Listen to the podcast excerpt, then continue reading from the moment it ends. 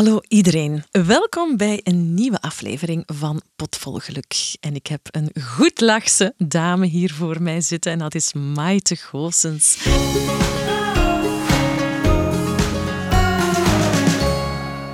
Welkom Maite, welkom in onze studio. Je bent eh, twintig jaar lang een zeer bekende radiostem geweest, uh, zowel bij Q Music, jouw beginjaren, als sidekick bij Dekkers en Ornelis. We kennen jou natuurlijk ook als bekende stem bij Joe, uh, als nieuwslezeres. Enfin, een bekende stem in Vlaanderen. En sinds vorig jaar heb jij intern een, een nieuwe uitdaging aangenomen en je bent daar podcastmaker geworden. En dat maakt ons uh, ja, collega's zeker. Nu heb je de luisteraar wel heel nieuwsgierig gemaakt. Hè? Ik vind dat we nu cool, Maarten aan het woord moeten laten. dat klinkt een beetje cool. In ieder geval, van harte welkom. Ja, dank u. Ik ben een beetje onder de indruk, want meestal moet ik mensen inleiden en ja. nu gebeurt het omgekeerde. Dus ja, oh, dat is wel, wel speciaal. Onderga maar eventjes, ja, geen probleem. Ik heb een hele bos bloemen bij eigenlijk om te gooien naar Maite. Oké, okay, ik sta hier met open armen. Vooraleer jij de eerste vraag stelt, Sophie, ik ben ongelooflijk gecharmeerd dat jij ook het taboe rond mentaal welzijn wil doorbreken. We maken reclame een beetje voor jouw podcast met heel veel plezier, want dat is wat ons ook nauw aan het hart ligt. En daarom wil ik zeggen, dank je wel dat jij dat ook wil doen, want we hebben allemaal diezelfde missie. Dus laat ons er samen aan werken dat dat taboe eindelijk doorbroken geraakt. Hm. Dat wou ik toch even kwijt. Die bloemen ja, ja, we ook gooien. Ja, en het was ook mijn missie. Hè. Laten we daar duidelijk over zijn. Hè. Maar misschien moeten we eens eventjes teruggaan of terugspringen naar het begin. Wanneer heb jij voor het eerst echt een conclusie getrokken van mm, er is echt iets met mij, ik voel het al lang in mijn vezels en ik moet, ik moet iets gaan doen? Ik denk dat het wel altijd incijpelt. Hè. Ik denk dat het nooit van vandaag op morgen is. Maar ik heb gek genoeg wel een concrete datum. En daar begint ook mijn eerste podcast mee. En dat is 1 juli 2008. Dus al 14 jaar geleden. En dat was omdat ik. Uh, toen wakker werd met een bijzonder gevoel. Geen geluksgevoel, laten we daar duidelijk over zijn, maar een gevoel van er klopt iets niet. Um, ik was niet gewoon moe, ik was niet gewoon neerslachtig. Het ging gewoon niet meer. Het blokkeerde langs alle kanten. Mentaal en ook in de, de waarneming. Uh, dat was heel vreemd. Ik werd wakker. Ik, ik zal straks wel vertellen dat dat dus een lange aanloop. Maar ik werd wakker in de slaapkamer waar ik al jaren was uh, wakker geworden. Die ik dus door en door kende. En ik keek rond. En plots was alles vreemd de muren, de kleerkast, het bed, het dekbed overtrek, alsof ik dat allemaal voor de eerste keer zag. En dat maakte mij enorm angstig, omdat ik dacht, dat klopt niet. Ben ik gek aan het worden? Slaap ik nog? Droom ik nog? Nee, ik was wakker. Daarnaast voelde ik mij moe, zelfs uitgeput suf. Ik had in niks zin. Ik had geen energie, want normaal gezien sta je op, je dekt de tafel, je drinkt een tas koffie, je doucht, je neemt je kleren. Het blokkeerde. Dus ik lag in mijn bed en ik dacht, ik weet niet wat ik moet doen. Moet ik nu douchen? Moet ik nu eerst kleren kiezen? Ik weet niet wat ik moet aandoen. Ga ik nu eerst de tafel dekken? Maar zo helemaal ontredderd bijna. En dat had ik nog nooit ervaren. En toen dacht ik van, ja, hier is iets niet pluis, hier, hier klopt iets niet. En dan is het een lange zoektocht geweest, omdat ik vrij snel met uh, intimi, noem ik dat, want ik ben daar niet snel mee naar buiten getreden in de openbare wereld, al zeker niet, maar ook niet bij vrienden eigenlijk. Intimi bedoel ik mijn familieleden, ouders, broer, zus en laten we zeggen die drie goede vrienden die je op één hand kan tellen en die heel dicht bij jou staan, omdat ik ook mij een beetje schaamde en zorgde ik dacht, ja, als ik dat ga vertellen, dan gaan ze zeggen, ja, er is iets mis, hè jij bent gek aan het worden. En op een bepaald moment was het zelfs zo erg in mijn hoofd dat ik dacht, ja, nog enkele weken, maanden en ze gaan mij zeggen, je moet naar de paasafdeling in het ziekenhuis en daar gaan ze jou opnemen. En dan gaan ze zeggen, je bent schizofreen geworden en dan blijf je in opname. Dus ik had zo'n grote angstvoorstellingen van, er is echt, echt iets grondigs mis met mij. En dan ben ik na een hele zoektocht, want ik moet er wel bij vertellen, het symptoom dat ik is eerder, denk ik, uitzonderlijk. Uh, als ik het heb over al die vreemde waarnemingen. Uh, dus ik ben, ik ben bij een, een psycholoog gaan aankloppen en ik kreeg daar wel een luisterend oor, maar het was vooral van, goh ja, het is voor iedereen moeilijk en zet je daarover en, en we kunnen wel een beetje praten over ehm, hoe je werk tot nu is verlopen, hoe het zit in je familie, in je vriendenkringen, dus eigenlijk wat, ja, puur naar, ja, wat kan er misgelopen zijn in jouw leven, psychotherapeutisch dan, maar dat loste mijn probleem van die vreemde gewaarwordingen niet op. Ben ik bij een tweede uh, psychologe geweest, bij een derde psychologe geweest. En het was de derde die zei van, hmm, ik denk dat jij eens moet praten met een psychiater, want ik denk dat jij medicatie nodig hebt, dat je zo ver bent gegaan in iets, waardoor het niet meer gaat, waardoor je rare dingen gaat waarnemen en dat je toch echt wel ja, professionele hulp moet zoeken op medisch niveau, zitten we dan al. Hè? En dat was toen slecht nieuws voor mij, want ik dacht, ah voilà, kijk, dit is het begin van het einde. Ja, ja. het is begonnen. Ja, nu ga ik daar langs gaan en dan gaat hij zeggen: Ja, meisje, um, hier stopt het. Hè. Dat is inderdaad het begin van schizofrenie, uh, hallucinaties. En dan gaan we jou definitief moeten opnemen of een leven lang medicatie moeten geven. En het omgekeerde is gebeurd, en ik weet dat nog heel goed, op 21 eh, januari 2010. Dus dan zijn we al anderhalf jaar later, hè, anderhalf jaar later, kom ik terecht bij die psychiater. Dat was toen uh, Piet Nijs. En ik doe daar heel mijn verhaal. En ik zit dan te wachten, want je bent er maar aan het praten, aan het praten en je probeert alles te vertellen dat in je opkomt en wat het rare is. En dan kijk je van, oké, en wat denk je nu? En dan begon hij met te zeggen van, en waarschijnlijk voel je ook dit. En waarschijnlijk denk je ook dat. En waarschijnlijk is ook dat al in je opgekomen. En waarschijnlijk heb je dat ook ervaren. En toen dacht ik, ja, ja, inderdaad, inderdaad. De eerste in anderhalf jaar tijd die de symptomen herkende en die na dat gesprek van, wat was dat, een uur, zei van, je hoeft je geen zorgen te maken. Jij hebt derealisatie. En derealisatie wil zeggen dat je de realiteit, de werkelijkheid, niet meer goed kan waarnemen. En bij mij zat dat echt op mijn ogen. Hè. Dus als ik ergens kwam, had ik het gevoel van, ik ben hier nog nooit geweest. Zeer angstaanjagend. En dan zei hij, maar geen probleem. Iedereen krijgt dat of kan dat krijgen als je extreem, extreem uitgeput bent. Dus het was een vermoeidheidssignaal, zoals ook een burn-out nu een vermoeidheidssignaal kan zijn van over de grens gaan. En nog eens erover en nog eens erover. En dan moet ik duiden wat jullie in de inleiding al hebben verteld. Ik had daarvoor uh, zes jaar lang ochtendradio gemaakt met. Dekkers en Ornelis. Waarschijnlijk professioneel de gelukkigste tijd uit mijn leven. Want ik zeg het woord bewust, ik leefde voor mijn werk. Ik vond dat fantastisch. Maar de wekker ging onverbiddelijk om vier uur. Om vijf uur, kwart na vijf waren we al daar. Mhm. En ik werkte omdat ik... Radio was mijn droom, was mijn passie. Ik werkte gemakkelijk tot drie, vier uur in de namiddag. Maar als je start om vijf uur mhm. en je stopt om vijftien uur of zestien uur... En dat doe je zes jaar lang, met dan in de weekends een jetlag, hè, want dan wil je toch nog mhm. met vrienden afspreken. Dus je gaat dan wel eens uit tot twee uur s'nachts, maar dan s ochtends ben je al wakker om zes uur. En op een bepaald moment moet dus mijn geest, in mijn geval, want lichamelijk heb ik nooit symptomen gehad, moet mijn geest gebroken zijn of, of ergens gezegd hebben van hier moet je ingrijpen. het is goed geweest.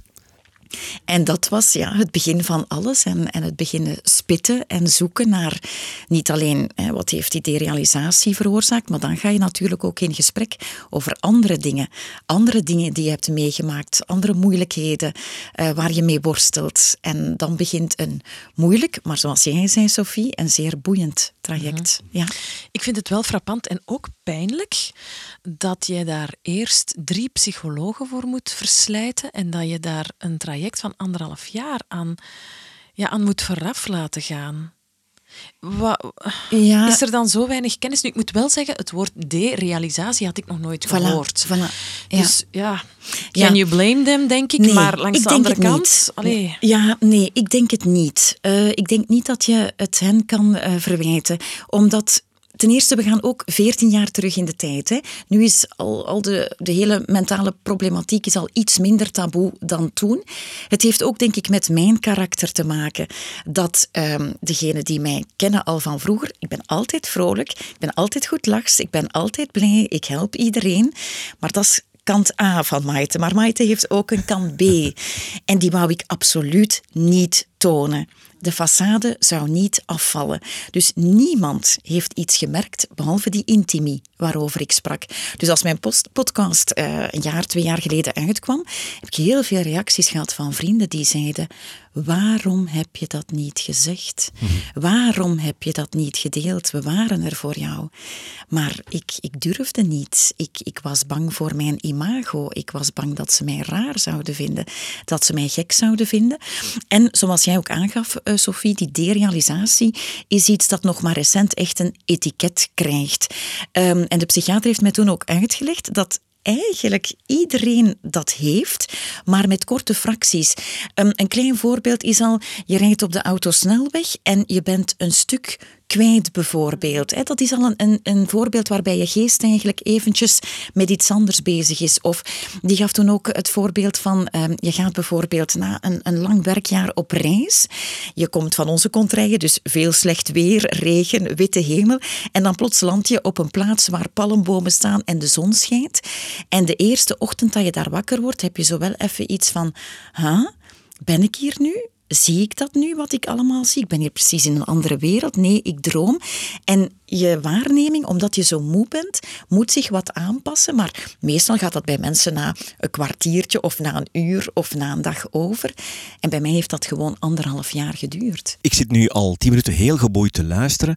Het lijkt alsof ik het een beetje herken wat jij doormaakt. Dus ik vroeg mij af, is dat iets wat jij rondom jou ook regelmatig bij anderen directeert? Nee, Eigenlijk niet, nee.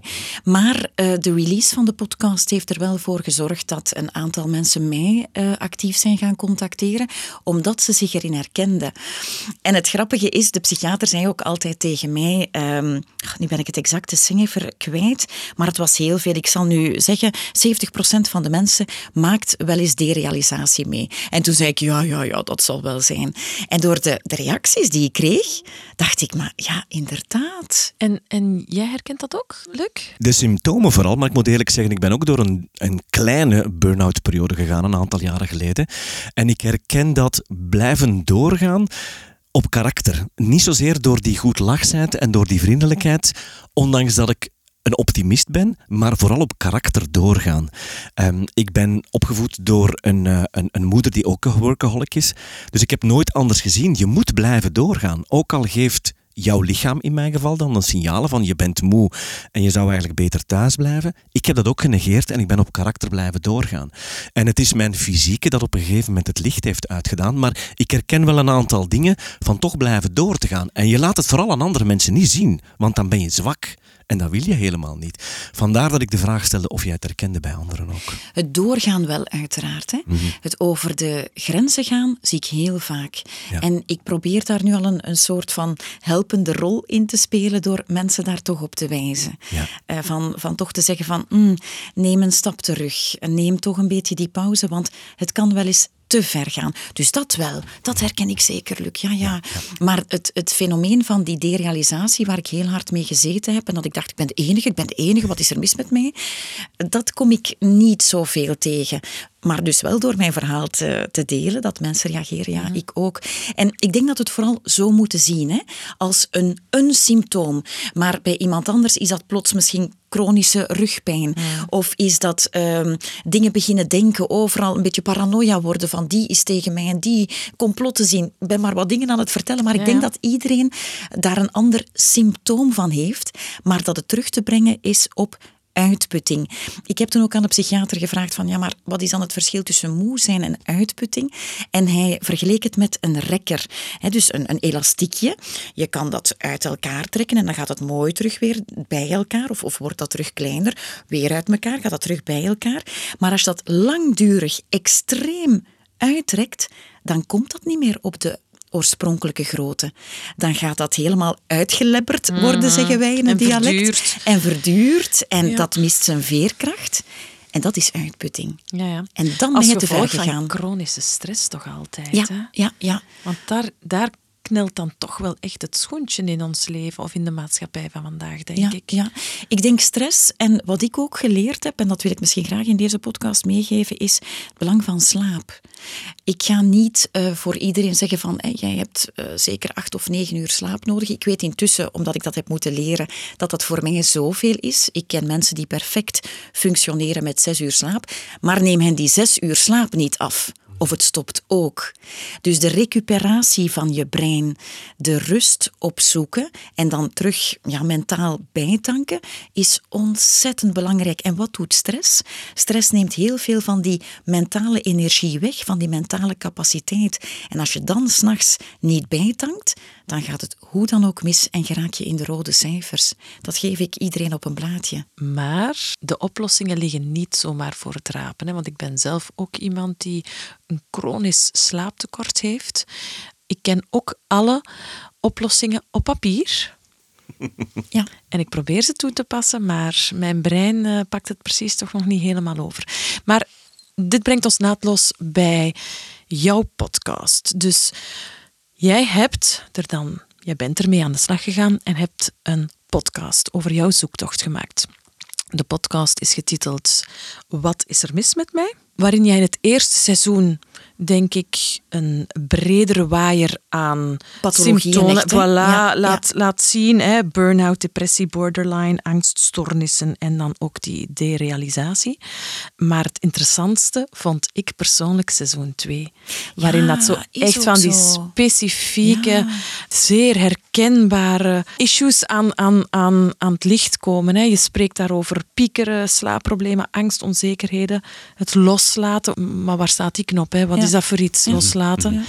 En die innerlijke criticus die wij ook allemaal uh, met ons meedragen. En geluk natuurlijk. En de laatste. Het, de laatste, ja, ja voilà. Ah, liefst een pot vol. Ja, ja, ja, voor mij ook graag. Maar je hebt daar gelijk in, hè, Sophie, want ik, ik, um, ik ben daar het helemaal mee eens. Dus de, de eerste reeks is redelijk zwaar en is misschien een beetje mijn, mijn persoonlijke ja, verwerking nog eens extra die in die podcast ligt. En waarbij ik toch vond dat bepaalde pathologieën moesten aan bod komen om ook daar het taboe in te doorbreken. Maar de tweede is, ja, het meest herkenbare voor iedereen. Want in mhm. deel 1, gelukkig, daar worden maar enkelen mee geconfronteerd. En als dat zo is, is het belangrijk dat je hulp zoekt. Maar het tweede deel, uh, dat ik gedaan heb met um, psychotherapeut Wilfried van Kraan, ja, bespreekt inderdaad de dingen waar we allemaal mee zitten. Je gaat mij niet vertellen dat er iemand rondloopt die zegt: Oh, maar piekeren, dat doe ik nooit. Hè. Oh, mhm. loslaten, dat kan ik altijd. Ik, ik geloof dat niet. Nee, dat is waar. En dat was ook daar mijn missie, om die dingen bespreekbaar te maken. Mhm. Dus je hebt dan die psychotherapeut onder de arm genomen van: Kom aan, maak een podcast met mij. Ik wil hier verschillende van mijn symptomen op tafel gooien. En ik wil daar induiken. Ik wil concrete tools krijgen hoe ik daarmee aan de slag kan. Je gaat er dan ook effectief mee aan de slag, want je geeft dan weerslag van ik hoe, dat het, geweest, is. Hè? Uh, ik zal het verhaal heel kort duiden. Dus mijn traject bij de psychiater is op een bepaald moment afgerond, ook omdat die derealisatie voorbij was en, en het lukte weer. Maar heb je daar medicatie dan uiteindelijk voor nodig gehad? Ja, ja, ja. Toch ik wel. heb uh, twee jaar echt medicatie genomen en dan is het een afbouwproces van een half jaar, een klein jaar en dan, dan is het voorbij. Hè? Mhm. Maar ik heb dat nodig gehad en als ik dat niet had genomen, denk ik dat ik er niet zo snel vanaf was geweest. Maar, moet erbij zeggen, in combinatie met therapie. Hè? Mhm. Dus het is het dubbele dat werkt. Hè? Je kan niet zeggen, ik neem nu een pil en dan zal het wel overgaan. Dus ik ben echt in gesprekstherapie geweest, wekelijks, twee jaar lang. Dus dat is ook gebeurd. Maar dat was afgerond en dat heeft mij heel veel deugd gedaan. Maar dan merkte ik na verloop van tijd, de jaren nadien, van oh, ik ben toch zo'n piekeraar en uh, ik ben toch nog regelmatig angstig en inderdaad zo dat loslaten, oh, dat is zo moeilijk. En ook de hamvraag van jullie podcast. Waarom ben ik eigenlijk ja, niet zo gelukkig? Terwijl in principe gaat het toch goed met mij en hoe komt dat toch? En ik had bij al die vragen hetzelfde van, ja, er is iets mis, hè? Ik ben hier weer waarschijnlijk de enige die, die zoveel piekert. Ik ben waarschijnlijk de enige die zo onzeker is. Ik ben de enige die zo moeilijk kan loslaten. Ik ben de enige die eigenlijk niet gelukkig is, terwijl ze toch wel zou moeten zijn. En je praat daar dan ook niet echt over. Maar ik heb een goede vriendin, Sylvie, en hebben zo'n beetje dezelfde ja, uh, zoektocht en, en zij interesseert zich ook heel erg voor al die mentale strubbelingen. En zij was op de website van Wilfried van Kraan terechtgekomen, want die woont bij haar in de buurt. En die geeft regelmatig cursussen, trainingen. Dus Wilfried doet geen therapiesessies meer. Wilfried is ook al, denk ik, een zeventiger. Maar die geeft dus nog cursussen waar iedereen zich voor kan inschrijven. En zij zag op een bepaald moment de cursus rust in je hoofd. En ze zegt zo al lachende tegen mij, ja, zou dat niks voor ons zijn? Ik denk, dat zal zeker iets voor ons zijn, want ik heb nooit rust in mijn hoofd. En zo is een traject begonnen van cursussen bij Wilfried. Dus ik ben nooit bij hem in, in therapie gegaan. Ik heb nooit één op één sessies gehad, maar ik heb wel een heel aantal cursussen gevolgd. En ik vond dat hij ja, nieuwe inzichten bracht. Ehm, het speciale aan hem is ook, hij is eigenlijk een, een klassiek geschoold psychotherapeut. Dat wil zeggen dat hij de, de westerse benadering heel goed kent, het cognitieve. Maar die heeft zich ook bijgeschoold in alles wat boeddhisme, mindfulness uh, aangaat. Was voor mij een compleet onbekende wereld, want het traject dat ik bij de psychiater had gehad was natuurlijk ja, westers georiënteerd en heel cognitief. Dus al dat mindfulness, meer spirituele, dat was onbekend voor mij. In het begin dacht ik ook wel van, ja, we zullen wel zien, hè? we zullen wel zien. Maar daar ging toch een wereld open. En net als Wilfried denk ik dat je beide werelden moet kennen en dat je daar beter van wordt. En van het ene kwam het andere. Ik had dan snel een, een, een, tof contact met Wilfried. Ik vond ook dat hij de dingen goed kon uitleggen, dat hij goed praat. Want voor een podcast is dat uiteraard mhm. noodzakelijk. Hè. Je kan een goede therapeut hebben, maar als die niet zo mondig is of moeilijker verstaanbaar, dan, dan kan dat niet. En dan hebben wij de, de handen in elkaar geslagen en is de podcast er gekomen. Mhm. Ik vind dat eigenlijk wel straf dat na die ganse medische mallenmolen en psychotherapeutische mallenmolen die jij al afgelegd hebt, dat het pas de eerste keer bij Wilfried van Kraan die holistische aanpak ter sprake gebracht werd. Ja, ik denk de tijdsgeest. Misschien mag ik ook wel zeggen dat ik uit een uh, eerder wetenschappelijk uh, gezin kom. Mhm. uh, mijn vader is ook lang huisarts geweest, dus ik ben een beetje opgevoed met die ja, toch eerder medisch-wetenschappelijke achtergrond. En ik geloof daar ook heel sterk in. Hè? Want ik vind bijvoorbeeld wat de psychiater bij mij gedaan heeft, vind ik ongelooflijk. En ik ben, ja, ik heb zoveel bijgeleerd, maar ik ben er bijvoorbeeld ook van overtuigd dat ik die medicatie, dus psychofarmaca, dat waren toen antidepressiva en neuroleptica, dat ik dat nodig had. Dus ik sta daar 200% achter. En ik zal nog altijd tegen mensen zeggen van, ga ook naar een goede psycholoog of ga mhm. naar een psychiater als dat nodig is. Maar die andere aanpak, denk ik, maakt het compleet. Is een verrijking en hoort er toch wel bij. Net voor de antwoorden die de westerse benadering of de medische wereld niet kan geven. Want ik had het gevoel, er zijn veel vragen beantwoord, maar niet allemaal. En die heb ik dan daar wel gevonden. Mag ik even concluderen dat je in de eerste fase die medicatie als ondersteuning nodig hebt om recht te blijven, maar ter vervollediging die tweede fase, die psychotherapie, ook nodig hebt om een soort van nieuw vat open te trekken of een nieuwe inspiratie te krijgen? Ja, ik ga het een klein beetje nog anders formuleren. Ik denk wat je nu zegt, medicatie en psychotherapie samen samen starten lijkt mij heel belangrijk. Niet eerst een traject met medicatie en dan starten met die psychotherapie. Maar na de klassieke psychotherapie denk ik dat je zeker gebaat bent bij een mindfulness eh, coach of mindfulness inzichten. Zo iets meer die oosterse boeddhistische benadering. Dus voor mij is 1 en 2 net iets anders. Of je zou ze 1, 2, 3 Dat wil ik net zeggen. Het is eigenlijk een soort van derde fase. Heel veel mensen gaan dan die spirituele tour op. Ook heel veel niet, omdat die er dan om een of andere reden voor weg Want ik zou nog een tweede bosbloemen willen geven. Jij bent opgevoed bij een huisarts, toch vrij medisch. En om dan die mindfulness tour op te gaan, dat vind ik toch wel een hele moedige grote stap. Heb jij dat ook zo ervaren? Mm, ja, ik ga daar eerlijk op antwoorden. Niet zo erg, omdat ik heb wel een vader die zeer ruimdenkend oh, is. En hij heeft ook alle podcasts beluisterd en daar zelf heel veel uitgehaald. Nu, mijn vader is al bijna een tachtiger, dus je moet ook denken aan wanneer hij school liep. En dan was het natuurlijk alleen maar de westerse cognitieve benadering. Mhm. En ik merk dat als hij nu de podcasts beluisterde, uh, want mijn vader is, is nog zeer, zeer goed, hè, zeer lucide, um, dat hij ook zei van, van, ja, dat is interessant, dat is interessant. Goh, had ik dat geweten, dat we dat zo of zo konden toepassen. Dus ik, ik geloof echt in, in de beide, in, in de combinatie. Mhm. Want hè, je zegt nu wel de derde fase, het eerdere spirituele. Als ik jouw podcast beluister, vind ik die wel heel down to earth met echt bruikbare tips om mee ja, aan de slag te gaan. Ga dat eens eh, eh, toepassen of, of, of ga nu op die manier eens denken of probeer dat verband nu eens te leggen. Of heb ik het daar nu mis? Of is dat dat Ik denk dat we even bij, ons, bij onszelf moeten graven, Sophie. Stel dat ik jou tien jaar geleden zou gezegd hebben, jij bent gebaat met yoga. Hmm. Zou je het aangedurfd hebben? Het is wel veranderd door de laatste Ja, ja, ja. jaren. Het is, Ja, het is echt in, in, in, in een ja, snelle ontwikkeling gekomen, denk ik. En vergeet ook niet, Wilfried vind ik, eh, dus Wilfried van Kraan, vind ik heel down to earth. Ja. Dus hij neemt heel veel over van dat boeddhisme, maar hij gaat niet over tot, ja, ik weet niet, ik kan daar nu geen, geen term op kleven, maar het wordt niet zweverig bij hem. Nee, dat hè? gevoel heb ik Nee, nee, nee, totaal niet. Ik denk, als het dat zou geweest zijn, dat ik dan wel zou afhaken, Ja, denk ik. Ja. Ik stel de vraag een beetje omdat ik eh, Sophie een beetje wou prikkelen. We kennen elkaar al heel, heel lang. In eh, een van onze vorige afleveringen met Ellen van Rentergem, daar zei jij, Luc, jij bent hiermee gebaat. En ik moet eerlijk zeggen, ik worstel daar nog steeds mee. Het, eh, meditatie is mij niet vreemd, channelen is mij niet vreemd, spiritualiteit is mij niet vreemd. Maar ik heb er een beetje een trauma aan overgehouden, weet je nog? Dus vandaar dat ik jou de vraag wou prikkelen met die yoga.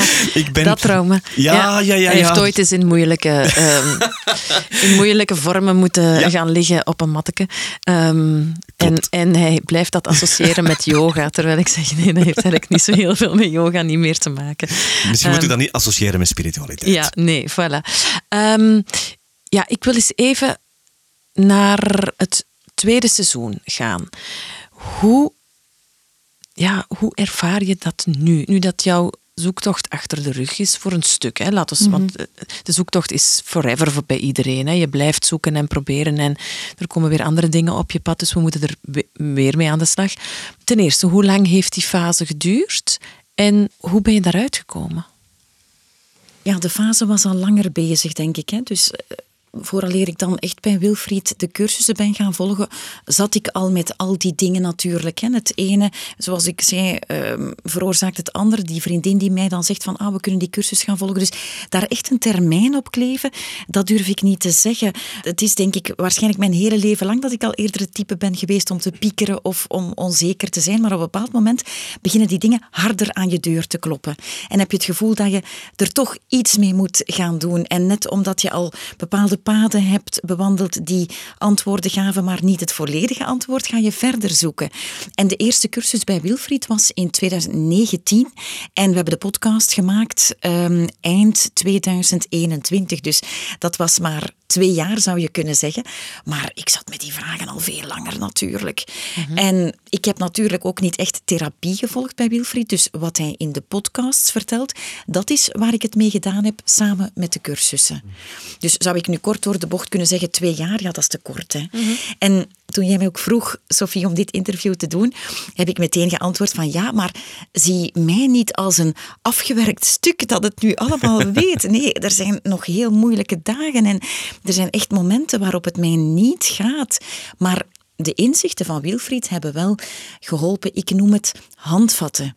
Die je toch ergens uit je gereedschapskist kan ehm, halen en waarvan je denkt, oké, dat kan ik nu gebruiken, dat kan ik nu toepassen. En dat helpt dan wel. Nu, voor alle duidelijkheid, wij houden niet van afgewerkte stukken. Hè? Ah, of- Want daar of- kunnen wij ons niet in herkennen. Nee, nee, nee, dus ik ben dat helemaal niet. Hè. Ik ben dat Nee, helemaal maar niet. niemand hopelijk toch? Nee, nee, Bestaan er nee. afgewerkte stukken? Ik zou het me toch... eh, Maar we houden wel van goede raad geven. Hè? Ja, voilà. En ik heb zo'n vraag aan Maite. Ik las in mijn voorbereiding dat jij zegt... Als je loopt te piekeren, is een wandeling maken het slechtste wat je kan doen.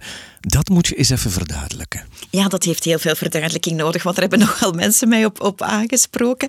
Ehm, hoe ga ik dat eenvoudig uitleggen? Het komt trouwens van Wilfried, hè. het komt niet van mij, maar ik kon mij er wel in herkennen. Stel, je bent heel erg aan het piekeren, dan moet je dat vergelijken met een soort van patronen, cyclussen die zich in je hersenen afspelen. Want uiteindelijk denken, onze hersenen, dat zijn neuronen, dat is een netwerk, daar zit elektriciteit in. En dat gaat maar altijd over dezelfde route, over Mhm. dezelfde route. Als je dan zegt, oh, het is mij te veel, ik moet er eventjes tussenuit. En je gaat wandelen langs een, een, een paadje of langs het water, waar je eigenlijk niks afleiding hebt, dat heel monotoon is, dan gaat dat circuit niet stoppen. Integendeel, dat gaat nog erger worden. Dus er zijn twee dingen. Ofwel ga je tijdens die wandeling proberen je bewust te zijn van dingen die je ziet. Oh, een eend. Oh, blaadje valt naar beneden. Oh, een vlinder. Oh, hoeveel groene dingen zie ik hier. Oh, hoeveel blauwe di- dingen zie ik, zie ik hier. En je probeert je geest eigenlijk af te leiden. Ofwel zorg je ervoor dat je iemand mee hebt op die wandeling die jou op een ander denkspoor of denkcircuit brengt. En dan heb je afleiding. Wilfried had het ook bijvoorbeeld over het, ik denk dat het heette, het Default Mode Network. Dat is eigenlijk het netwerk dat in ons brein aanspringt als je geen afleiding hebt. Dus stel dat ik nu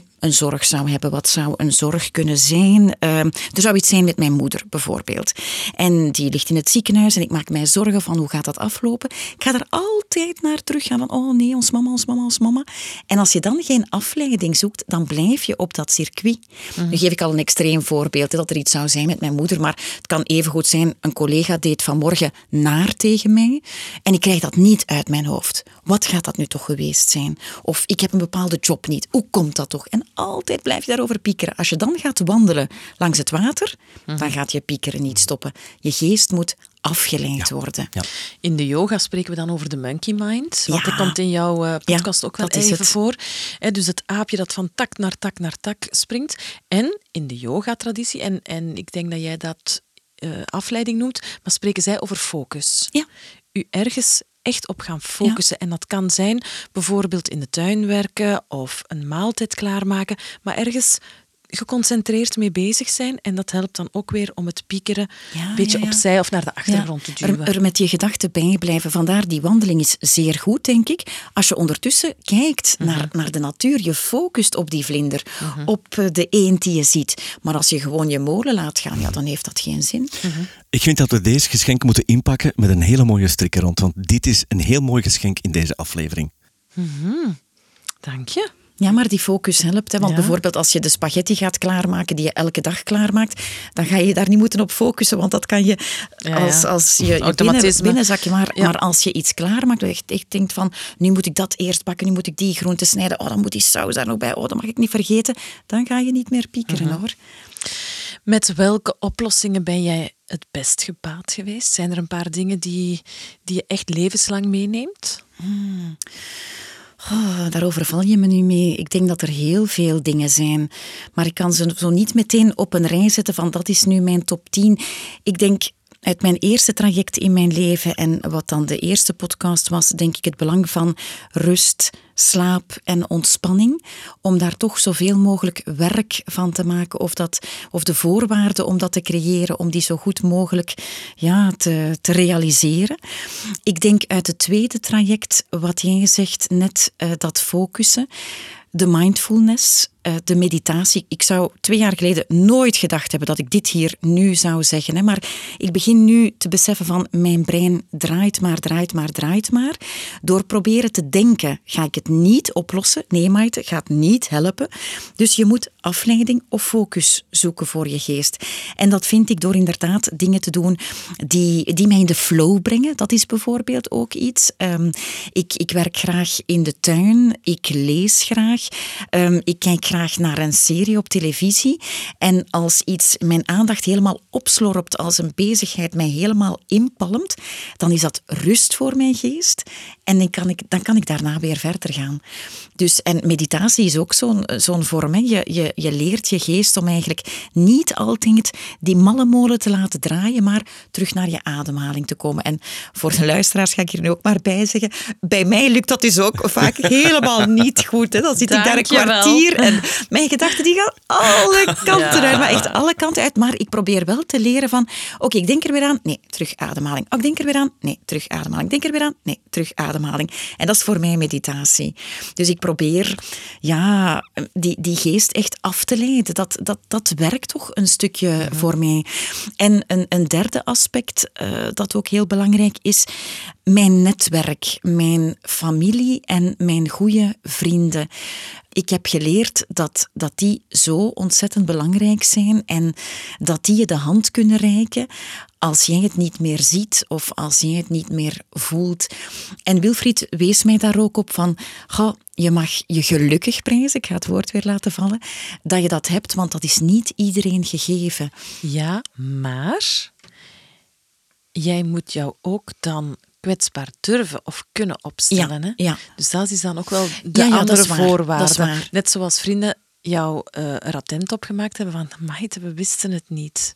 Ja. We nee, er ook nee, niet nee. Je, moet het, er, je moet het durven niet, aansnijden. hè? En niet dat je er eh, de straatstenen eh, moet mee gaan plaveien, maar een aantal mensen in vertrouwen nemen. Hè? Ja, en zo dat, dat niet alleen zijn. Hè? Of, of mhm. ook in die, wat is er mis met mij? Weten van, nee, je bent niet alleen. Er worstelen heel veel mensen en daarover praten doet voor mij ook heel veel. En nog iets wat ik misschien zou willen zeggen over die focus, en dat is dan vooral in het thema van, van geluk en gelukkig zijn, wat, wat Wilfried mij ook heeft geleerd, is het is ook een, een kunst om te beslissen waar je op focust. Dus natuurlijk gaan er dingen mis in mijn leven. Natuurlijk loopt dat pad niet over rozen. En ik kan daar nu, zelfs op dit eigenste moment, ineens beginnen aan denken aan alles wat rot was de voorbije week en echt moeilijk was. Maar ik kan ook denken aan al de dingen die heel tof waren en die mij iets gebracht hebben. Stom voorbeeld, ik reed naar hier daarnet en ik heb twee luchtballonnen gezien. En daarbij zei Wilfried van ja, je moet je ook ontvankelijk opstellen om dat allemaal te kunnen zien. Dus ik, ik kan nu denken aan een moeilijke werkdag vorige week, waar ik ja, een slecht contact had met iemand en dat mij misschien nog altijd irriteert. Maar ik kan ook denken van, ik heb vandaag op mijn terras gezeten, ik heb die twee luchtballonnen gezien, ik ga straks uh, eten bij een vriend. Dus het is een keuze waar je de focus op legt. Want ik geloof er ook niet in dat iedereen alleen maar geluk heeft in zijn leven. Zelfs niet al die blije gezichten op Facebook of Instagram of de BV's uh, eh, die er zijn en die doen uitstralen van oh, maar ik heb het allemaal, hè. ik weet het en bij mij gaat het alleen maar goed. Ik denk dat het een kwestie is van focus ook en dat, dat geluk te willen zien. Mhm. En dan hoeven ja, de gelukkige dingen geen, geen grote dingen te zijn. Hè. Dan kan dat die, die luchtballon zijn. Positiviteit is een keuze. Ja, ja, voor mij wel. Het is ook heerlijk dat Maite dit aanhaalt, want het is een beetje een déjà vu.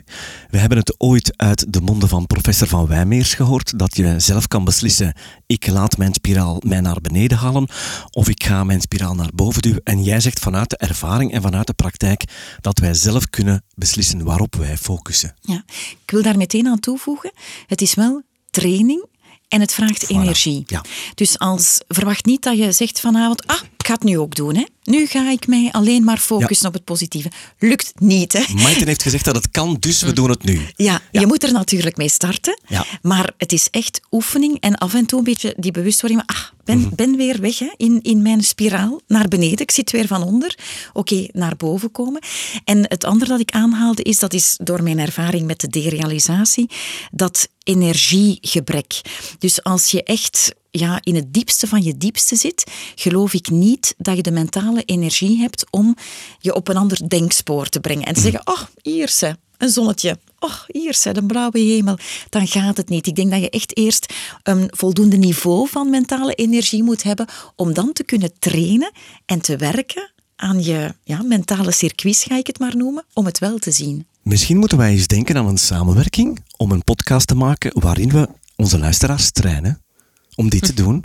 Ja. Ja. Moet kunnen, hè? Moet, moet kunnen, ja. Daar is zeker een weg voor. Ja. Wat een indecent proposal. Zonder dat eerst met mij te overleggen. maar ja, dat, maakt ook gelukkig. Vreemd gaan waar ik bij zit. en ik weet dat andere mediahuizen nu luisteren. Ah, ja. Nee, maar um, ik ben volledig akkoord met het belang van training inoefenen, een nieuwe gewoonte aanleren. Als je uitgerust bent. Maar dat is al een moeilijke voorwaarde, vind ik. Ja, uh, want ja, het is juist omdat we zo moe zijn of diep zitten dat we dat nodig hebben, maar dan is dat juist de voorwaarde die het eventueel zou beletten. En ik merk ook aan heel veel mensen dat die training toch soms te veel vergt, te lang duurt, dat ze het niet echt kunnen volhouden, waardoor dat ze terug in uh, oude patronen vallen. En dat vind ik wel moeilijk ook. En ik merk dat aan heel veel mensen. Ze willen wel. Uh, ze gaan van alles opzoeken, ze gaan lezen, ze gaan dingen proberen. Hetzelfde met een dieet. Mm we gaan eens even zonder suiker koken of leven. Moeilijk, hè? Ja, maar moeilijk. na een week of zes belanden we terug in... Ja. Ik, ik merk voor mezelf dat herhaling werkt. Ik ga nu een bekentenis doen. Ik heb met Wilfried die podcasts gemaakt. Dat wil zeggen, ik heb de voorbereiding gedaan. Ik heb de interviews gedaan. Ik heb de montage nadien gedaan. Ik heb ze dan uh, herbeluisterd. Dus dat zit ik al aan vier keer. Ik heb daarnaast bij Wilfried cursussen gevolgd. Ik ben met hem nadien nog in gesprek gegaan. Ik zit misschien nu al aan zeven keer. Ik beken hier dat ik de podcast één keer per maand nog eens herbeluister niet elke aflevering, maar als ik denk van, ben, ben het weer kwijt. Hè. En dan hoor ik al die tips opnieuw. Dus ik weet dat ik voor mezelf hardleers ben en dat ik dat opnieuw moet. En dan, dan hoor ik die aflevering en denk ik, ach ja, dat is juist. Goh, ja, inderdaad. Dan ben ik dat helemaal vergeten. Dus ik heb die herhaling nodig. En ik wil misschien hier ook een beetje um, al, al vertellen in, in deze podcastopname dat ik recent met Wilfried een boek heb geschreven over de podcast, die ook Wat is er mis met mij heet, en waar je alle tips in terugvindt met nog extra verdieping. Maar dat boek heb ik dus ook, omdat dat voor, voor dat dat in druk gaat, moet je dat herlezen en correcties uitvoeren. Dus ik heb dat intussen al drie keer gelezen. En dan nog ja, gaat het bij mij soms moeilijk, maar ik merk wel hoe vaker dat ik daarmee geconfronteerd word, hoe beter het gaat. Mhm. Dus zou dat een tip kunnen zijn, Sophie, van te blijven lezen naar podcasts opnieuw luisteren die je al beluisterd hebt of in hetzelfde thema om weer die reminder te hebben van ah ja, dat is het. Mhm. Dat is het. En ik vind ook wel, van het moment dat je zo'n reminder hebt, heb je ook weer wat terug, wat moed, energie om er ja. aan de slag te gaan. Dan denk je, oké, ja, ik, ga, kan er terug in vliegen. Ja, ja. Ik geloof daar ook wel in. Ja. Ik denk dat dat een goede tip is. En dan goh, heb ik toch wel een periode echt momenten ge, geëinkt. Hè. Dus, want niemand heeft tijd. Hè. Ook ik heb geen tijd, hè. laat dat duidelijk zijn. Hè. Maar ik heb in de, de training met Wilfried echt gezegd van... Oké, de, de, het kwartier of de tien minuten voor ik ga slapen, dan ga ik mediteren. En dan stond mijn wekker en dan dacht ik, oh nee, maar het is al zo laat. En oh nee, ik moet dat ook doen. Ik moet nog een wasmachine steken, ik moet dat ook nakijken. Nee, nee, hard hè. Dan ben ik hard hè. Nee, nu stop meditatie. Want dan komt jouw perfectionisme naar boven. Ja, ja, dat is een ander probleem. Maar op dat ja. moment kwam het mij goed uit. Ja. kwam het mij heel goed uit. Dus dan heb ik daar wel een dagelijkse training van gemaakt. Maar dat is het, hè. Het, het inbouwen in je leven, er echt een gewoonte van maken. Ja, en misschien een laatste tip die ik zou willen geven is, Wilfried heeft mij ook eens gezegd van, je moet zorgen dat je tijdens je leven een gereedschapskist maakt waar je dingen instopt waarvan je weet dat ze werken als het moeilijk is. En ik heb zo wel een aantal dingen, bijvoorbeeld een film waar ik, waar ik altijd mee moet lachen. Of ik weet ook, er zit in mijn hoofd een situatie, een, een, ehm, een, een moment met collega's die super grappig was. Maar echt super grappig. Ik kan die zo oproepen en ik probeer die dan te herbeleven. En dan, dan word ik, ja, je ziet mij nu al wat lachen, Mhm. omdat dan moet ik daaraan denken en dan denk ik, ah ja, zo kan ik mij ook voelen. Ik heb drie nummers die mij super blij maken. En ik heb een aantal citaten neergeschreven in een boek. En dus op de momenten dat het niet gaat, doe ik mijn gereedschapskist open. Wij noemen dat de moodboosters. Ja. Het is mooi dat jij dat in een ander verhaal uh, aanbrengt. Mm -hmm. Ik vind, er, ik, vind, ik vind het ook een hele leuke metafoor, die gereedschapskoffer. Dat is eigenlijk nog beter dan die moodboosters. Mm. Ja. En voor jou is die anders dan voor mij. En ook voor jou, Sophie, is die anders dan voor Godzijdank, mij. hè, want ja. dat zijn onze eigen ja. persoonlijke dingen. Hè. Net zoals die conditioneringen, ik mag het even zo noemen. Volgens mij is dat een levenslange training, want ik, uh, ik ken deze materie nu al heel lang. En ik moet eerlijk toegeven, mijn klassieke conditioneringen die ik heb, die worden nog zeer regelmatig getriggerd. En als ik geluk heb, denk ik eraan op het moment dat het mij overkomt van waarom voel ik mij zo? En dan kan ik het aan. Maar er zijn ook momenten dat ik het niet door heb, dat ik terug in de gordijnen hang. Ja, herkenbaar. Hè? Er is niks mis met jou. Er is echt niks mis met jou. Om af te ronden. Ja. Wat maakt jou gelukkig vandaag?